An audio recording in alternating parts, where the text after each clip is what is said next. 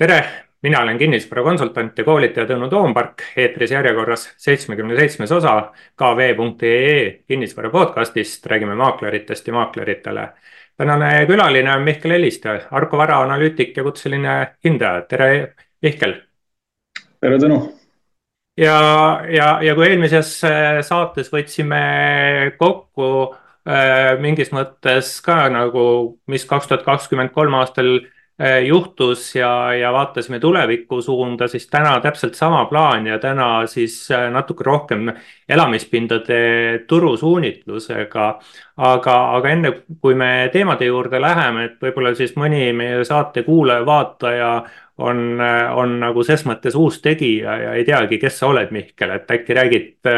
kahe-kolme sõnaga, kes sa oled, mis sa teed? Ja, ja äkki ka seda, et mis on Arko Vara jah, kui siis nii-öelda Argo Varast alustada, siis Argo Vara on üks äh, vanemaid äh, teadaolevaid kinnisvarabüroosid Eestis, mis on siis tegutsenud tänaseks juba võrdlemisi pikka aega. ja Argo Vara jaguneb siis oma olemuselt sisuliselt lihtsustatult kaheks, kus siis aktsiaselts, äh, mis on börsil noteeritud, tegeleb kinnisvaraarendusega ja see osa, mis siis börsil ei ole noteeritud, mis tegutseb frantsiisilepingu alusel, see siis tegeleb äh, eeskätt kinnisvarateenuste pakkumisega, mille hulka siis täna kuuluvad vahendusteenus ja hindamisteenus ja mina isiklikult siis pigem olen seotud äh, hindamisteenusega ja vahendusteenusega ainult kaudselt, mille juures igapäevaselt siis lisaks kinnisvara hindamisele tegelen kinnisvaraturu analüüsimisega ja kinnisvaraturu ülevaadete koostamisega, mida siis peamiselt kasutavad meie ettevõtte enda töötajad mm. -hmm niimoodi, et hea, hea teadmine turul toimuvast on olemas, äh, seda, seda igal juhul. aga, aga vaatamegi siis, äh, vaatamegi siis turule mm, takkajärgi, mis kaks tuhat kakskümmend kolm juhtus ja, ja mis kakskümmend neli aastal äh, olulisemat võiks olla, mida meie ootame ja, ja seda siis elamispindade vaatest. et noh, kui ma ise, ise nagu jutu lahti teeks, jutu otsa lahti teeks, siis makropilt, sihuke noh, väli, väliskeskkond on ikkagi suht nigel olnud, äh, jätkuv sõda, Euribori tõus kakskümmend kolm aastal, mis küll nüüd aasta lõpus taandus ja ja, ja, ja kui veel ikkagi kolm kuud tagasi minna, siis ootused Euriborile ei olnud äh, sellised päris nagu nad täna on. majanduslangus, mis on vinduma jäänud, madal kindlustunne, mis mis, mis sa nagu eelmisest aastast veel esile tooksid? Nojah, kui makropilte nii-öelda esialgu vaadata, siis kõik, mis nii-öelda ütleme, on, on võinud valesti minna, on justkui mingis mõttes ka valesti läinud, ehk siis need asjad, mida me kartsime, et mis võivad realiseeruda negatiivses mõttes, et need on ka suuresti realiseerunud, alustades siis majanduslangusest, mis oleks pidanud esialgsete prognooside järgi tänaseks juba kasuks olema pöördunud, ei ole seda sugugi teinud ja eks me oleme seda ka näinud kinnisvaraturul, kus siis tehingute arvu langus oma olemuselt nii-öelda võrreldes aastatagusega kipub nendes kvartalite arvudes klappima ka sellega, milline on olnud majanduslanguse nii-öelda ajaline periood tänaseks. ja eks see laialdaselt peegeldub ka kinnisvaraturul tehtavates tehingute arvudes ja mingis mõttes ka hinnatasemetes, mis siis ka oma olemuselt on, ma ütleks tänaseks suhteliselt hästi vastu pidanud, arvestamata sellele, mis meil nii-öelda väliskeskkonnas äh, on üsna kardinaalselt äh, muutunud, eeskätt siis laenuraha hinna osas mm.. mis on sinu ootus kakskümmend neli aastaks just niimoodi äh, majanduskeskkonna vaatest? No selles suhtes see püsiv langus, mis täna noh, peatselt juba kaks aastat äh, kestnud on, et kui ajalugu vaadata, siis peaks hakkama peatselt nii-öelda leevenema või siis vähemalt me võiksime saavutada koha, kus enam hullemaks äh, ei lähe. ja vaadates äh, finantsturgude ootusi, siis laenuraha peaks hakkama peatselt odavnema, kas ta nüüd päris nii kiiresti ja nii ulatuslikult toimuma hakkab, nagu turud praegu ootavad, et eks me seda saame tõdeda, aga laias laastus ma arvan, et äh, me ei ole enam väga kaugel sellest, kus äh, mingid asjad peaksid taaskord selle kasvutrendile pöörduma, et ma ei oota siit küll mingisugust kiiret hüpet ülespoole ja seda, et kõik võiks jälle minna kaks tuhat kakskümmend üks aastaga nii-öelda samaväärsele tasemele, et kaugel sellest. aga selline püsiv äh, langustrend võiks ehk tuleval aastal või, siis tähendab kaks tuhat kakskümmend neli aastal lõppeda mm.. ise niimoodi makro,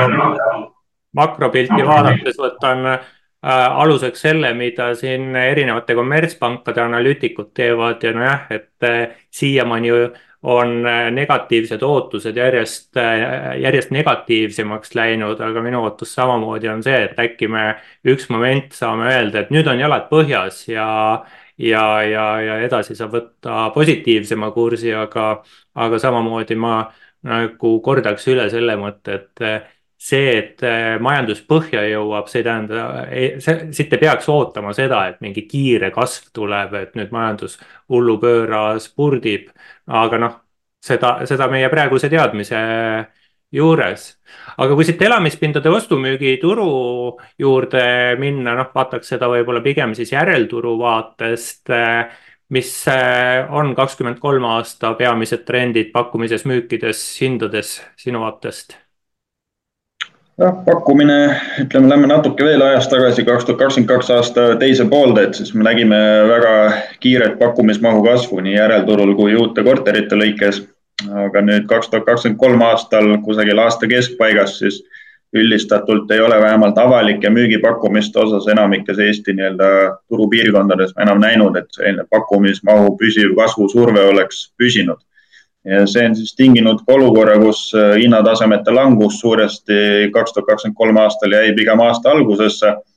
ja sealt edasi me ei ole siis näinud äh, enam sõltumata sellest, et laenuraha on kallinemist jätkanud, majanduskeskkond on olnud halvem äh, kauem, kui me oleksime oodanud, et sõltumata sellest kinnisvarahindade langus ei ole olnud mingisugune süvenev äh, trend. et me ei saa nüüd välistada, et kaks tuhat kakskümmend neli aasta alguses, mis siis hooajaliselt on teadupoolest kõige rahulikum, võib jällegi see hinnalanguse trend teataval määral esile kerkida, aga ma ei oleks siin nagu väga pessimistlik selles osas et see langus võiks tulla kuigi kardinaalne, ehk siis kui keegi nii-öelda kuulajatest tahaks seda numbritesse panna, siis üle viieprotsendilist hinnatasemete langust ma tõenäoliselt ei ootaks ei uute korterite ega ka järelturu puhul üldiselt. Mm.. aasta, aasta tagasi tegin mina prognoosi, et et kakskümmend kolm aasta lõpuks on hinnatasemed kõrgemal kui kakskümmend kolm aasta kõige madalamal hetkel mis siis jäi aasta algusesse ja, ja nii, nii läks, et, et ma nagu lühiajalises vaates tõepoolest äh, mõtlen ka, et siin hindadega võib juhtuda kõike, sest äh,, sest jah, et mak makrokeskkond selgelt kinnisvaraturgu ei soosi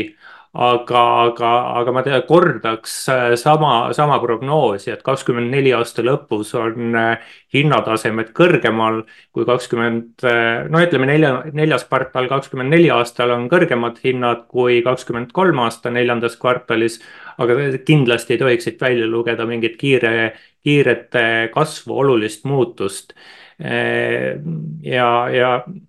ja, ja eelmisest aastast võib-olla jah, selline püsiv hinnalanguse ootus kakskümmend kolm aastal, eks, püsiv hinnalangu, languse ootus, aga mida ei tulnud ega tulnud, et, et mm, oled sa, Mihkel, aru saanud, miks, miks nagu meedia kogu aeg kirjutab sellest, et no nüüd ootame, et hinnad langevad, nüüd ootame ja, ja et no, eks äh, meedia hakkab kinni mingisugusteks, mingisugustest üksikutest nii-öelda näidetest või üksikjuhtudest turul, et kui äh, siin äh, kinnisvaraarendused on, on hädas, eeskätt see, kus ma praegu ise viibin, et kui hoones kuuskümmend protsenti ühikutest on äh, müümata, siis äh, võiks nii-öelda meedia tähelepanu vinklist vaadatuna oodata ees mingisugused olulised probleemid, ehk siis neid kortereid antakse üürile, üürihinnad saavad olema madalad, siis see võiks mõjutada kogu ülejäänud üüriturgu võib-olla tervikuna ja nii edasi, ehk siis mingisugune spiraal võiks saada justkui algust, aga siiamaani näib, et äh, need üksikud äh, hädas olevad äh, projektid ei kipu nagu turgu tervikuna allapoole tooma, ehk siis tähendab seda, et Tallinna korteriturg nii-öelda, kui üks tervik ei ole veel täna sellises negatiivses seisus, et see võiks nii-öelda kogu turgu allapoole kiskuda, ehk siis jah, me ei saa välistada, et kaks tuhat kakskümmend neli aasta jooksul mingisugused arendajad võivad minna pankrotti aga see ei tähenda siis seda, et turg tervikuna oleks kuidagi väga hapu, ehk siis see, et mingisugused asjad pankrotti lähevad, see pigem näitab seda, et majanduskeskkond nii-öelda on, on efektiivne ja oma täie tervise juures, kuna pankrot on osa nii-öelda loomulikust protsessist, eks kõigil ei saagi alati hästi minna ja tänane turusituatsioon lihtsalt toob esile need probleemkohad, mis siis aastate jooksul olid võib-olla kuhjunud, et kes panustasid oma ootused sellele, et turusituatsioon jätkuvalt püsib selline, nagu ta näiteks kaks tuhat kakskümmend üks aastal oli et siis tõenäoliselt oleks võinud juba tol hetkel öelda, et see projekt ei saa olema edukas, sõltumata sellest, et me täpselt ei teadnud, mis tulevik toob. Mm.. Ma mäletan, et eh, kaks tuhat kuusteist võis aasta olla siis, kui üks, eh, no ma ütleks, et niimoodi, et nii majandusest kui ka kinnisvaraturust mõlemast üksjagu arusaav inimene väitis, et kuulge, et meil on kinnisvarabuum sest keegi arendajatest pankrotti ei lähe, kõik projektid õnnestuvad. Et, et ma ei olnud selle väitega äh, nõus, aga, aga, aga selgelt praegu buumi ei ole ja, ja jah, siin üksikuid, üksikuid arendajaid ju tegelikult kakskümmend kolm aastal juba on, siin on äh, Päevaleht sellest pikalt kirjutanud, kuidas, äh, mis ta siis on, Jäga, Jägala, Jägalaas või Jägalall. Äh, üks, üks projekt on äh, hapuks läinud ja tegelikult sama arendajaga seotud vara on veel äh, rohkemgi kohtutäituri poolt pakkumisele pandud, aga tõepoolest, et see on, see on üksik näide. aga kui me siin arendusturu juurde juba jõudsime, et mis veel kaks, kakskümmend kolm aastal arendusturul põnevat või, või olulist sinu vaatest oli? eks selline väga vähene ettemüügitempo siis nii-öelda võlaõiguslike lepingute sõlmimise osas endiselt jätkus, ehk siis müük äh, hakkas äh, kaks tuhat kakskümmend kaks äh, aasta lõpus väga kiiresti ära kukkuma ja siis kaks tuhat kakskümmend kolm üldiselt me nagu mingisugust kasvutrendi kui sellist ei täheldanud. ja võrreldes siis nii-öelda kaks tuhat kakskümmend üks aasta tipuga me oleme täna siis kusagil Mm, kolm neljandikku nii-öelda madalamal tasemel, mis äh, tähendab seda, et uute korterite turg on saanud justkui müüdavate ühikute osas oluliselt tugevamalt pihta kui järelturg. Ja kui siia kõrvale mingisuguseid numbreid panna, siis äh, novembri seisuga Tallinnas näiteks järelturu aktiivsus äh, võrreldes kaks tuhat kakskümmend kaks aasta sama perioodiga oli siis kusagil viisteist protsenti kõigest madalamal tasemel, mis tähendab seda, et me ei saa jällegi rääkida väga sellest, et meil oleks mingisugune hirmus kriis või et tehingud oleks väga ära kukkunud pigem see tehingute ärakukkumine on siiamaani suuresti puudutanud ainult uute korterite turgu. ja kuna nende võlaõiguslike lepingute hulk on suuresti vähenenud, siis ka kaks tuhat kakskümmend neli ja teatavasti ka kaks tuhat kakskümmend viis aasta vaates me tõenäoliselt ei saa ka Tallinna näitel rääkida sellest, et tehingute arv tervikuna turul, kus me siis võtame kokku nii uued korterid kui järelturu korterid, et see saaks mingisugust olulist kasvu teha, et et isegi kui järelturu aktiivsus kasvab, siis see tõenäoliselt ei suuda kompenseerida seda, milline on olnud uute korterite nii-öelda võlaõiguslike lepingute vähenemise ulatus hetkel. ja kui arendusturust üldiselt, siis kaks tuhat kakskümmend neli aasta vaates näiteks mind paneb natuke muretsema see, mida tehakse Tallinnast väljaspool. et ma ise olen näiteks suuresti tegev Rakvere linnas, Lääne-Virumaal, kust ma ise olen pärit et kui ma täna vaatan, palju seal on juba uusi kortereid müügis ja palju neid eh, kaks tuhat kakskümmend neli aasta kevadel hakatakse veel ehitama. vähemalt ehitus eh, nii-öelda hankelepingud on, on juba sõlmitud või välja antud ja seal pakkumisi tehakse. Et siis äh, illustratiivselt seal on umbes selline olukord, et kui Tallinnas täna näiteks kv.ee-s on avalikke müügipakkumisi seal kusagil kolm tuhat viissada, kolm tuhat kuussada et kui nüüd äh, kevadel tuleks täpselt sama palju uusi kortereid veel korraga nii-öelda pakkumisse, mis siis nii-öelda Tallinna turul juhtuks? et mm. väga paljudes Eesti väikelinnades on seesama kaks tuhat kakskümmend neli aastal juhtumas, et äh, see paneb natuke nagu kukalt kratsima, et kes siis neid ühikuid nagu ostma hakkab ja arvestades tänast ehitushinda, siis äh, ainuüksi paberil juba nii-öelda kinnisvara eksperthinnangutes ei tule need tagatisvarade väärtused täis mis tähendab seda, et nende potentsiaalsete ostjate omafinantseering peab olema veel suurem, näiteks kui ta protsentuaalselt kipub täna Tallinnas olema olukorras, kus äh, Euribor on ligi nelja protsendi tasemel. et see paneb mind nagu arvama sellest, et kinnisvaraarendajad äh, võib-olla on liiga optimistlikud endiselt ja need finantsprojektsioonid, mida siis esialgu on nii-öelda planeeritud, need tõenäoliselt ei tule täis. ehk siis müügiperioodid lähevad oluliselt pikemaks ja see survestab siis äh, kulude kasvu oodatust rohkem. ja kas see võib viia mingite pankrottidena, ma arvan, et keegi kindlasti peab kuskil mingisuguseid järeleandmisi tegema, eeskätt hinnatasemete osas. aga kas see viib nüüd päris pankrottideni, eks me siis seda nii-öelda saame järgmise aasta vaates täheldada mm.. mis sa sihukesest mõttest arvad, et kui meil oli kaks tuhat kakskümmend koroonakriis kevadel, siis kukkus arenduse müük täiesti ära ja sügisel okei okay,, hästi palju raha äh, trüki toel äh, sisuliselt sama palju, osteti sama palju kortereid, kui, kui kevadel ära äh, ära jäi. Ehk siis tehti ärajäänud tehingud tehti tasa ja, ja kui nüüd meil mm, sa ennem ütlesid, et uusarenduste müügimaht on kolm neljandikku alla tulnud, et ma ütleks, et palju dramaati-, dramaatilisemalt mõjuks, et äh, uusarenduste müük kakskümmend üks aastaga võrreldes on kolm-neli korda alla tulnud. Äh, et, et toona tehti väga palju tehinguid ja, ja nii-öelda turust täideti väga palju ette ära ja, ja, ja meil, meil lihtsalt, meil ei ole neid kliente, et meil võtab aega, et uued kliendid kuskilt peale Äh, tuleksid, kes uusarendusi tahavad ja, ja seetõttu oodata tõepoolest, et sihuke äh, alla saja korteri Tallinnas äh, uute korterite müük kasvaks kahesaja peale, kakssada võiks sihuke täitsa mõistlik okei okay, tase, tase olla. et noh, see aasta ehk siis kakskümmend neli aastal seda, seda ei juhtu, et mis sa sihukesest mõttekäigust arvad? Jah, laias laastus ma olen nõus, et isegi kui laenuraha hakkab odavnema, tuleb noh, täna on, on juba neljast protsendist allpool on ju, ütleme, tuleb seal kolme koma kaheksa, kolme koma üheksa pealt, oletame siis sinna, kuhu finantsturud täna prognoosivad, ehk siis aasta lõpuks kusagile kahe poole juurde väga jämedalt. et kui me võrdleme seda keskkonda näiteks kaks tuhat kakskümmend üks aastaga, siis noh, Euribor oli veel negatiivne null koma viie protsendi võrra, selles suhtes kas miinus null koma viis või pluss kaks koma viis, et eh, see on nii-öelda kuus korda erinevust. et mm. laenuraha jääb endiselt kalliks ja see jääb seega ka turgu väga laialdaselt endiselt mõjutama, kas me räägime siis omakasutusse kinnisvara ostmisest või investeerimise eesmärgil, et kuna üürihindade kasv on olnud suhteliselt vaoshoitud hiljaaegu, see tähendab seda, et suhteliselt madal üürihindade või üüritootluste keskkond endiselt püsib ja seetõttu ka siis laenuraha mõningase odavnemise juures selline äh,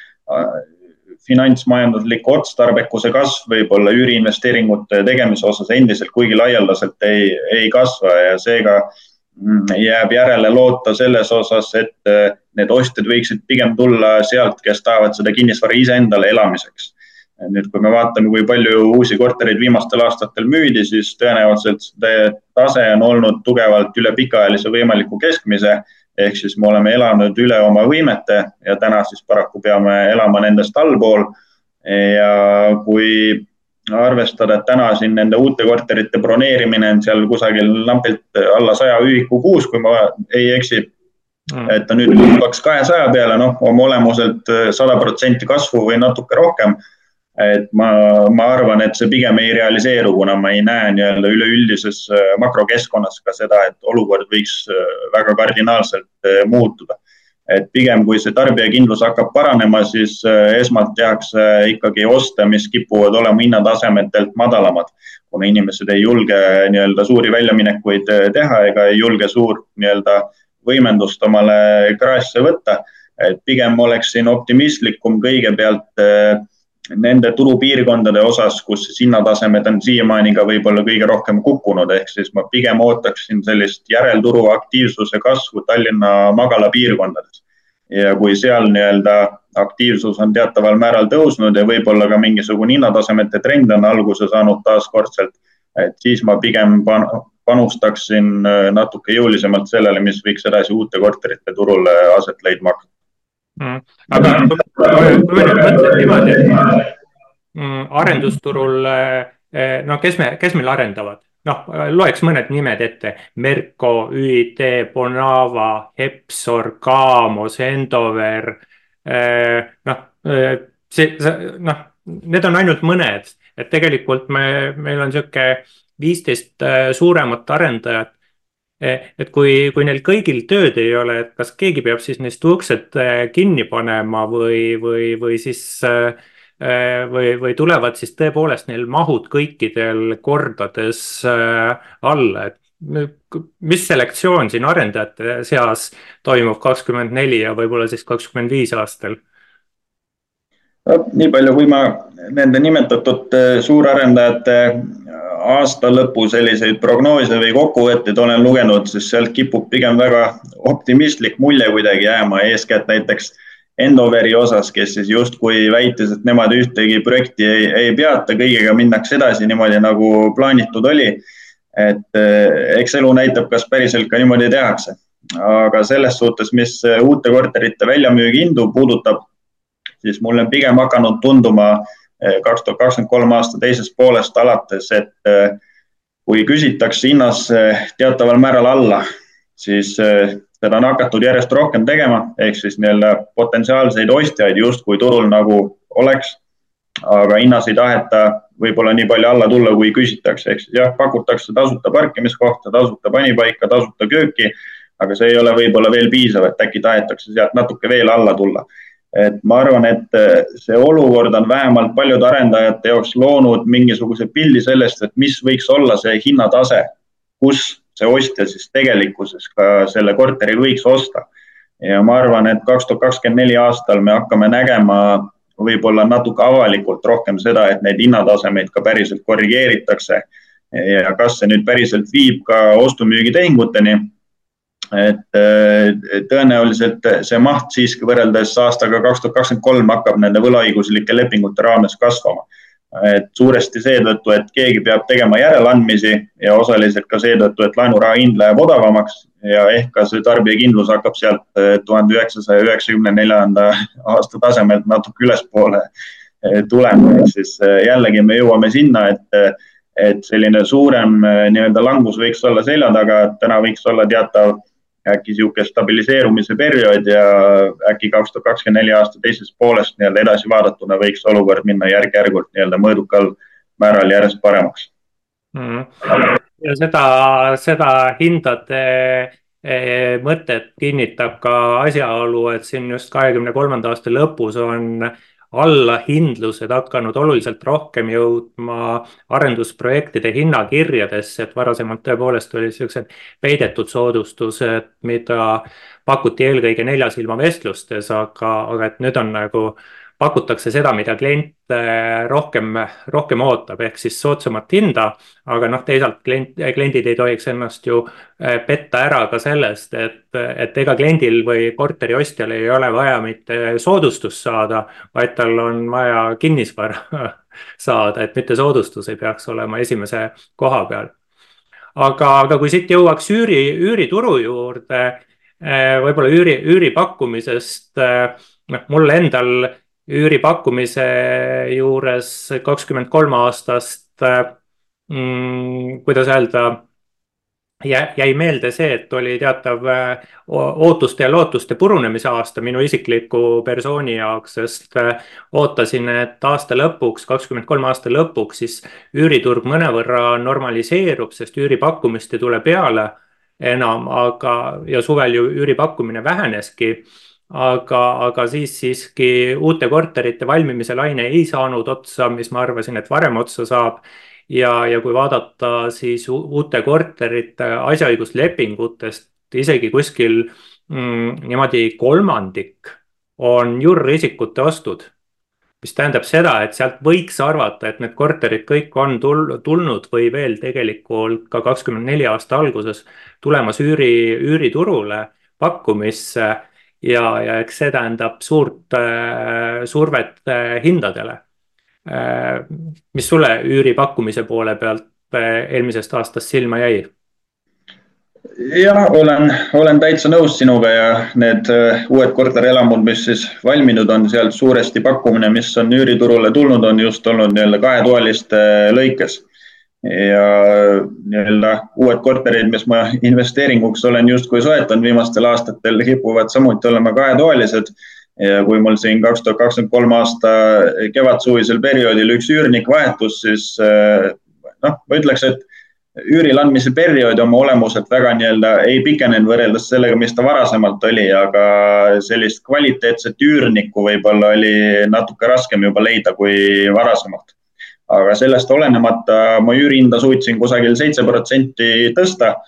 aga kui ma oleksin äh, üürnikku pidanud leidma kaks tuhat kakskümmend kolm aasta teises pooles, siis tõenäoliselt see üürihinna kasv oleks jälle nii-öelda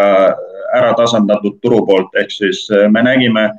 suhteliselt kiiret üürihindade tõusu korraks kevadel ja suve alguses ja sealt edasi siis hakkas üüripakkumine väga järsku suurenema, kus siis suvest kuni aasta lõpuni üüripakkumiste arv suurenes kusagil nelikümmend viis protsenti. ja kui see nii kiiresti, nii lühikese aja vältel juhtub, et siis tahes-tahtmata tuleb sealt ka märkimisväärne surve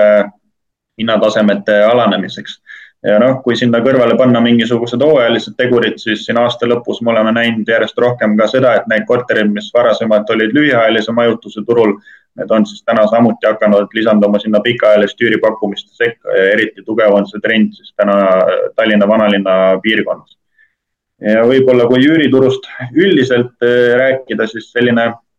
üüritootluste põhi ehk siis varasemalt me nägime pidevalt pidevalt seda, et üüritootlused alanesid, siis oma olemuselt enamikes Eesti piirkondlikes suuremates keskustes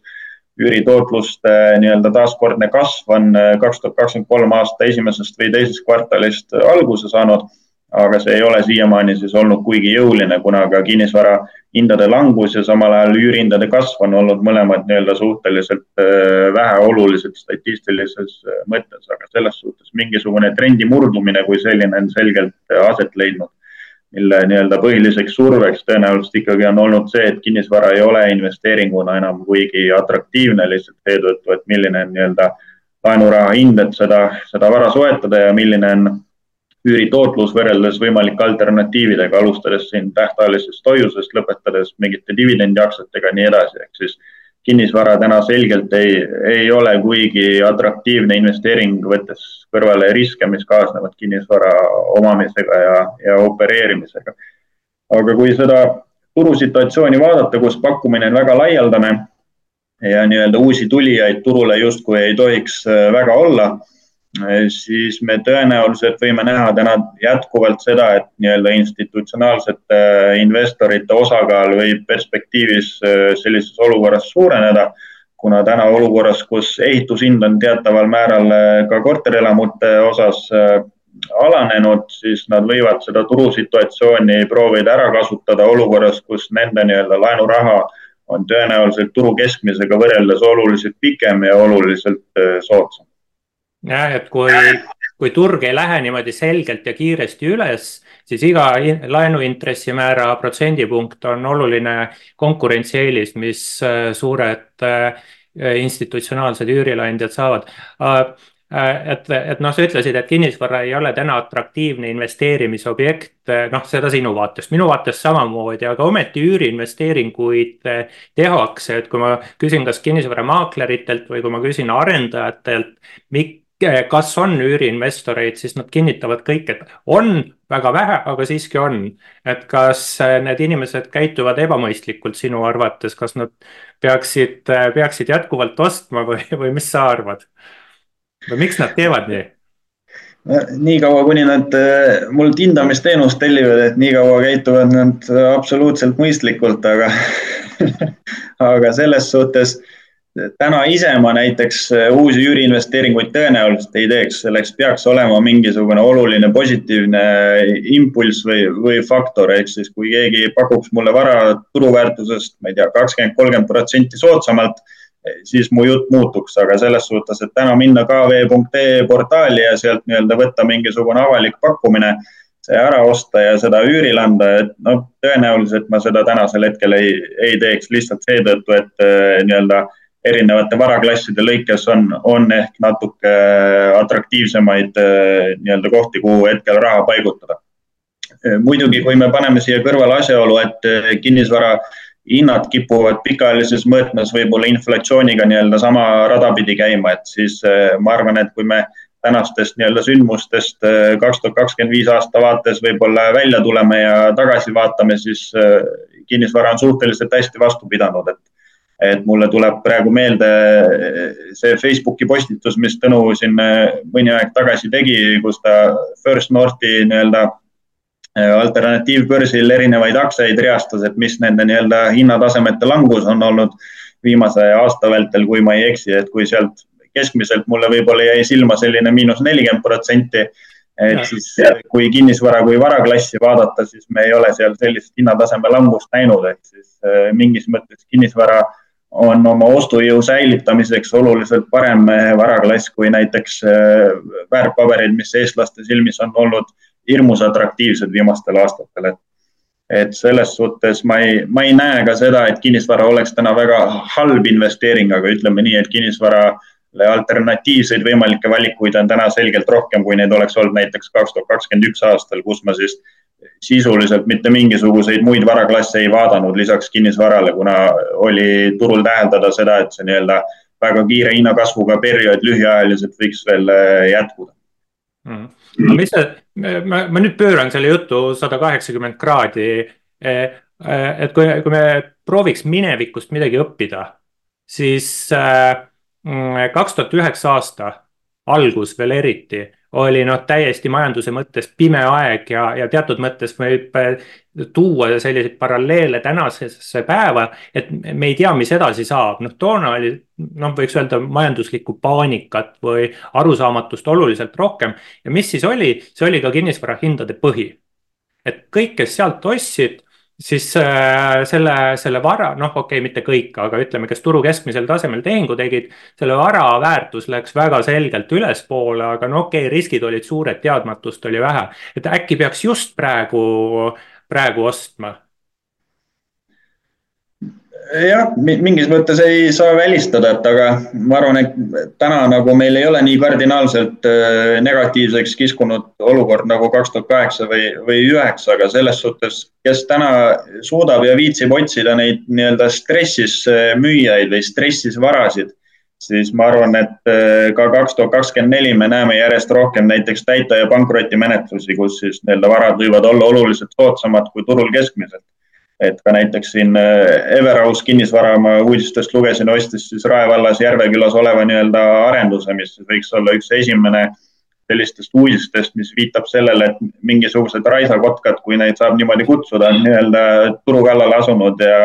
otsivad üles need varad, mis siis tegelikkuses ka mingisugust olulist potentsiaali omavad ja neid on siis täna võimalik äh, soodsa,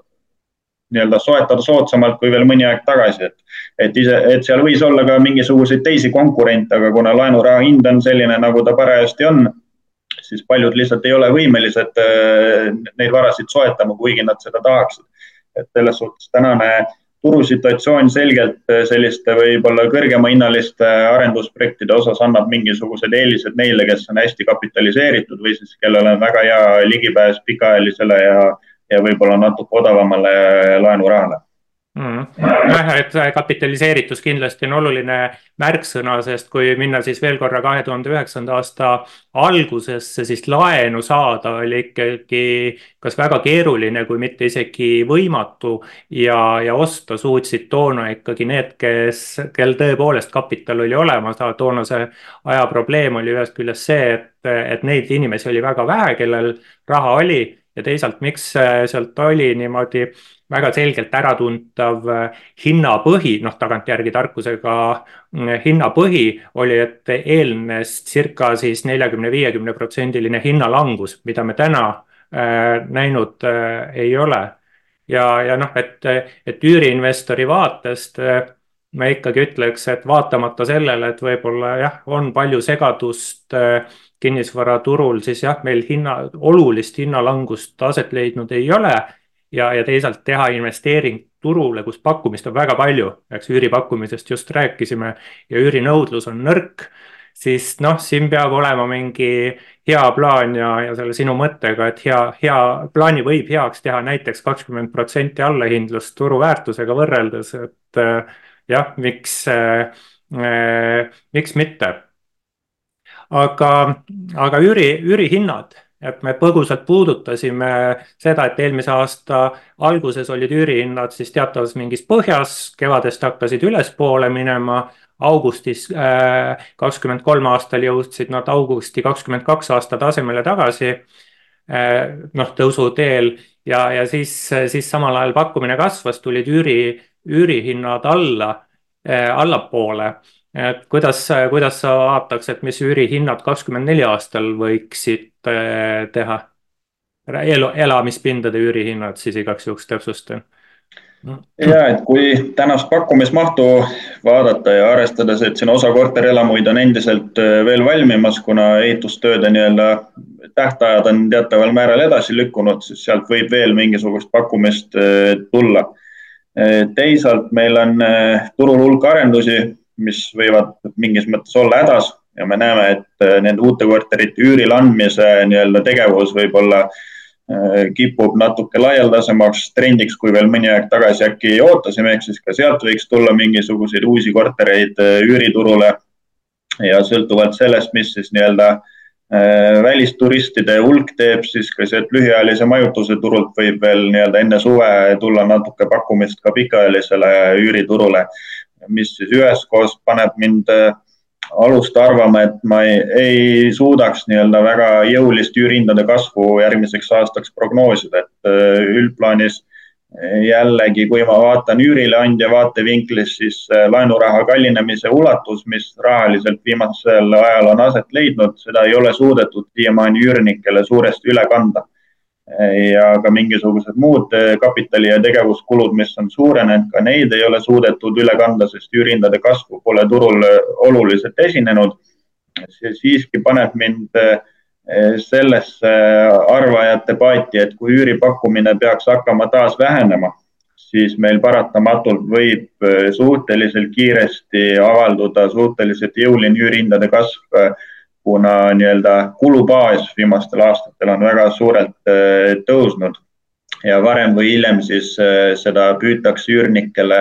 üle suunata. kas see saab nüüd aset leidma kaks tuhat kakskümmend neli aasta teises pooles, võib-olla veel nii väga mitte, aga kaks tuhat kakskümmend viis aasta vaates ma siis äh, oleksin juba üürihindade nii-öelda kasvu prognoosimise osas natuke optimistlikum. Tooksid paralleeli kaks, kaks tuhat üksteist aastaga, mis siis oli äh,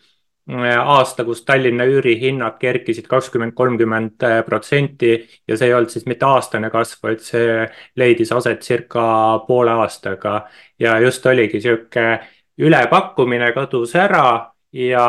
ja, ja, ja siis okei okay,, toona oli ka Tallinn mm, Euroopa mingi kultuuripealinn või, või mingi sihuke üritus oli, mis siis äh, üürinõudlust äh, suurendas, aga siis oli väga kiire üürihindade kasv. et me oleme selle üüriteemasse nii pikalt äh, pidama jäänud, aga siiski ma ei taha siit veel ära minna.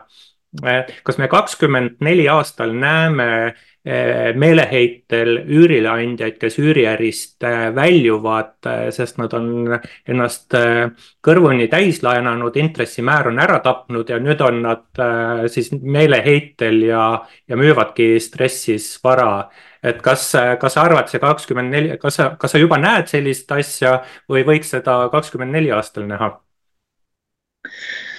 Ma ütleks, et ma olen seda teataval määral kaks tuhat kakskümmend kolm aasta näitel natuke näinud äh, seoses hindamisteenuse pakkumisega, kus siis mingisuguseid varasid on vaja hinnata, et teha mingisuguseid refinantseerimisoperatsioone, et teatud varasid ära müüa, ehk siis võlakoormus nii-öelda suunata ühele või, või mitmele teisele varale, aga vabastada see üks nii-öelda negatiivset rahavoogu tootev vara aga ma ei ole sealjuures näinud mitte ühtegi juriidilist isikut, mis tähendab seda, et kõik need üüriinvesteeringud, mis äh, siiamaani on, on hapuks läinud ja mida on turule ostu-müügi pakkumisse suunatud, need on olnud tehtud eraisikute poolt. ja üldiselt need kliendid, äh, kuidas ma viisakalt ütlen, et nad, nad ei tea kinnisvara investeerimisest väga nagu midagi, et need ostud tehti kaks tuhat kakskümmend üks või kaks tuhat kakskümmend kaks aasta esimeses pooles kui siis turg äh, kaks tuhat kakskümmend kaks aasta esimeses pooles võib-olla oli juba selles situatsioonis, kus need, kes päriselt kinnisvara investeerimisega aastaid juba olid tegelenud, need juba tegelikult enam turul ei osalenud. ja seetõttu ka need äh, rahavood täna on negatiivsed ja pigem on seal nii-öelda muretsemas isikud, kellel tagatiseks on võib-olla mingisugune ema ja isa korter või iseenda korter, kus elatakse ja kardetakse, et siis olukord võib kardinaalselt süveneda ja see võib siis kaasa tuua mingisuguse täitemenetluse, aga seda, et see oleks mingisugune laiapõhjaline trend või et kus hindamisteenust tellitakse, ma ei tea, korraga kahekümnele korterile, et need kõik nii-öelda ära müüa et seda me, me ei ole täheldanud ja ma ei, ei kipu ka uskuma, et kaks tuhat kakskümmend neli võiks väga laialdaselt turule jõuda, et jah, see võib üksiknäidetena eh, nii-öelda mingisuguseid laineid meedias lüüa, aga kindlasti see ei saa olema trend, mis turu nii-öelda alla toob või kuidagi tänaseid negatiivseid sündmusi täiendavalt võimendab. Mm.. ma ise, ise muidugi arvaks, et mul muidugi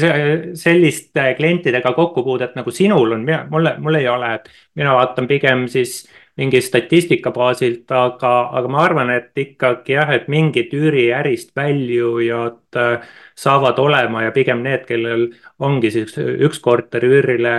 andmiseks ostetud, et need, kellel juba neid mitu on, siis tõenäoliselt need on mingi perioodi jooksul ostetud. et siis portfellid, mingid portfellid kasvavad suuremaks ja mingid väiksed äh, kaovad ära.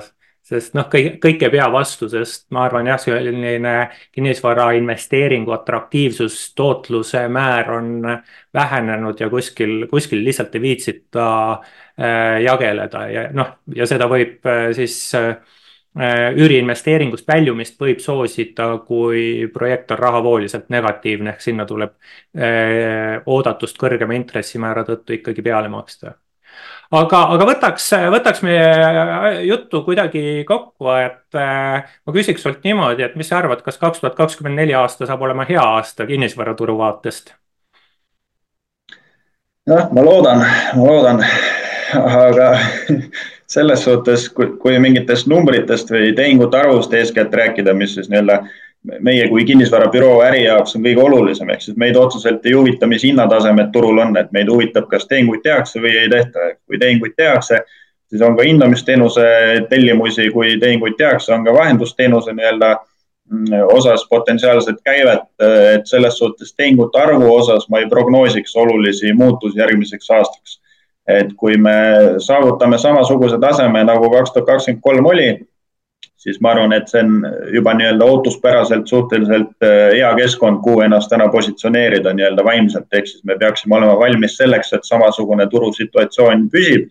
aga oma olemuselt nii-öelda järelturu vaates kui ka uute korterite nii-öelda broneerimise vaates võiks siiski teataval määral aasta teisest poolest mingisugust äh, turuaktiivsuse kasvu prognoosida aga kui kaks tuhat kakskümmend neli aasta esimest poolt vaadata, siis seal noh, ma arvan, et üsna sarnane turusituatsioon püsib, nagu ta kaks tuhat kakskümmend kolm aastal tervikuna paraku oli.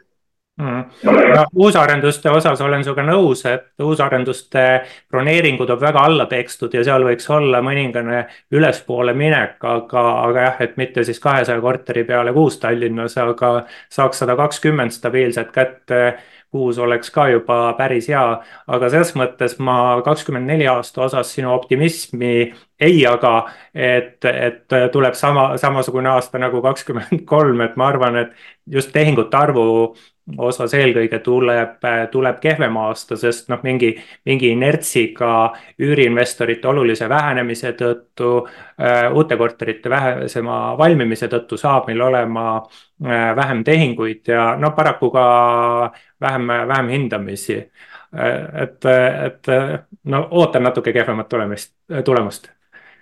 jah, no see see on suuresti seotud sellega, mis on olnud nii-öelda hiljaaegu võlaõiguslike lepingute hulk, aga nii-öelda kui me hindamisteenusest räägime, siis eh, need on juba hinnatud. Mm.. ehk siis nii-öelda see meie jaoks juba minevik, ehk siis suuresti nii-öelda see, see ei, ei puuduta meie tegevust aastal kaks tuhat kakskümmend neli aga nii-öelda oma olemuselt võib-olla ma ei pidanud silmas nii laialdaselt ka võib-olla korteriturgu, ehk siis kui me vaatame natuke laiemalt eh, kasvõi elamispindade turgu, et kui me võtame näiteks Tallinna üksikelamute turu, siis kaks tuhat kakskümmend kolm aastal tehti Tallinna üksikelamute turul sisuliselt täpselt sama palju tehinguid nagu kaks tuhat kaheksa. mis tähendab seda, et sealt nagu mingisugust kasvu teha kaks tuhat kakskümmend neli vaates ei saa sarnaselt uute korterite võlaõiguslikele lepingutele olema nagu väga keeruline ja jällegi ka näiteks äh, ärikinnisvara osas me oleme siis näinud, et selline hoonestamata tootmismaade nii-öelda müük võrreldes aastaga kaks tuhat kakskümmend kaks nägi juba teatavat paranemist Harjumaal, mis võiks siis ka viidata sellele, et ehitusaktiivsus segmenditi võiks äkki natuke tõusta. Ja seetõttu ka nii-öelda näiteks hindamisteenuse vaates me näeme, et teatud turusegmentides selline põhi võiks olla tänaseks juba möödas, aga kindlasti me ei saa nii-öelda seda üldistada näiteks korteriturule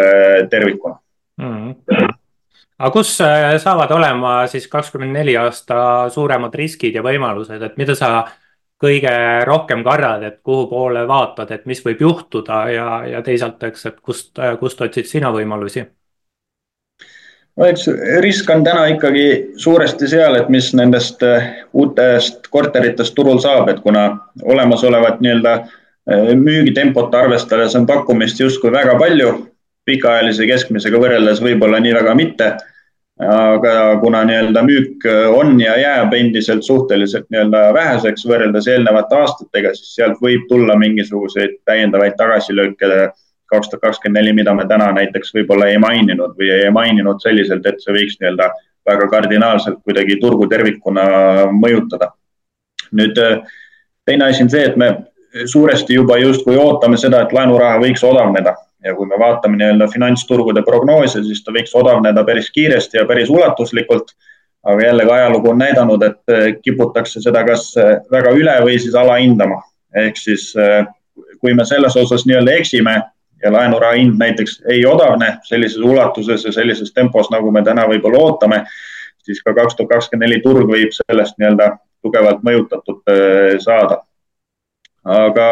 muus osas ma arvan, nii-öelda riskid, mis olid ka kaks tuhat kakskümmend kolm, need püsivad suuresti ka kaks tuhat kakskümmend neli aastal. aga nendest enamiku osas siis võib-olla võiks oodata teatavat paranemist või vähemalt stabiliseerumist, ehk siis sellist väga kardinaalset mingisugust uut riski, mida me täna ei näe, et seda, seda ei olegi paraku võimalik näha ja viimased aastad on olnud sellised, nagu on, et siin uus must luik võib iga päev Mm. mingisugusest äh, vaatevinklist tulla, kuhu parajasti ei, ei ole oma pilku suunanud, et selles suhtes olukord on ja püsib volatiilne ja teataval määral ka ettearvamatu. aga võimalused, mis võimalusi sa näed?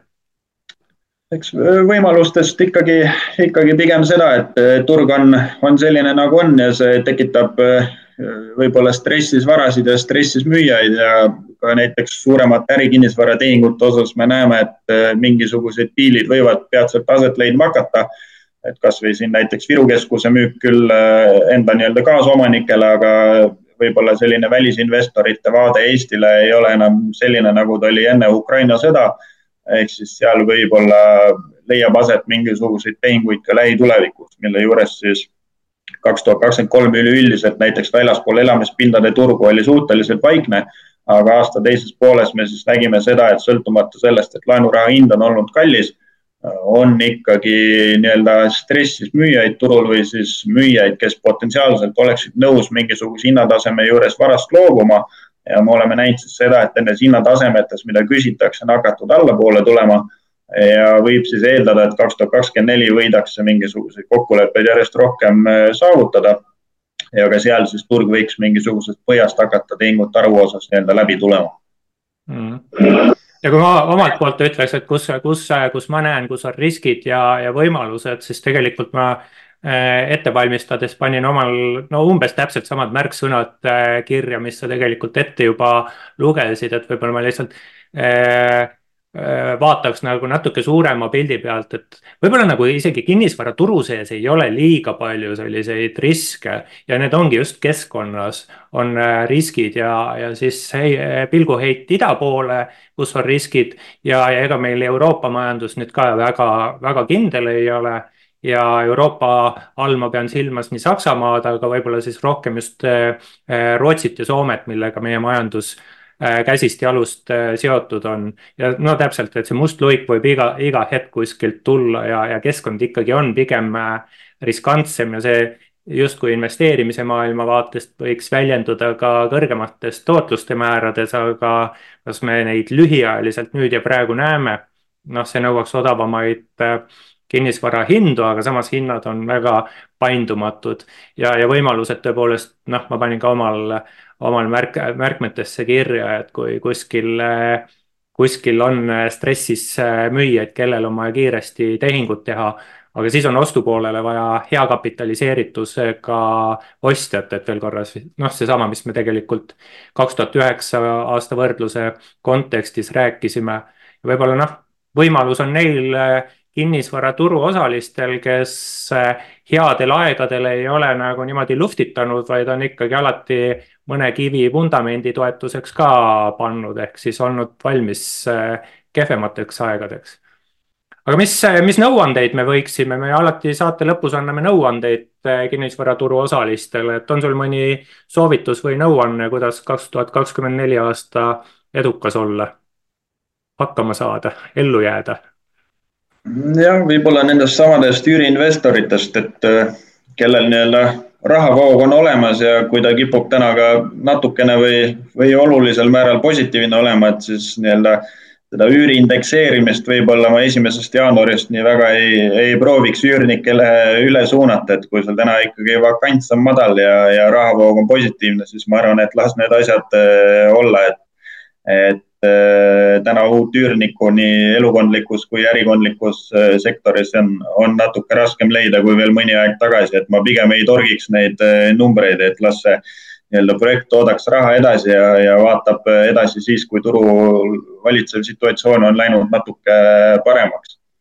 ja mis võib-olla kinnisvarateenuste pakkujaid puudutab, võib-olla eeskätt maaklereid või, või ka hindajaid, et täna konkurents turul on selgelt tihedam kui varasemalt.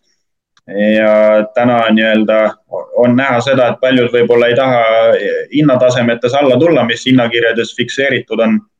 siis ma võib-olla natuke julgustaksin seda rohkem tegema selles mõttes, et eh, kui me enda juttu siin kokku võtame, mis me oleme rääkinud, ega me mingisugust olulist paranemist kaks tuhat kakskümmend neli aasta nii-öelda vaates ikkagi ei oota, mis tähendab seda, et need, kes nii-öelda eh,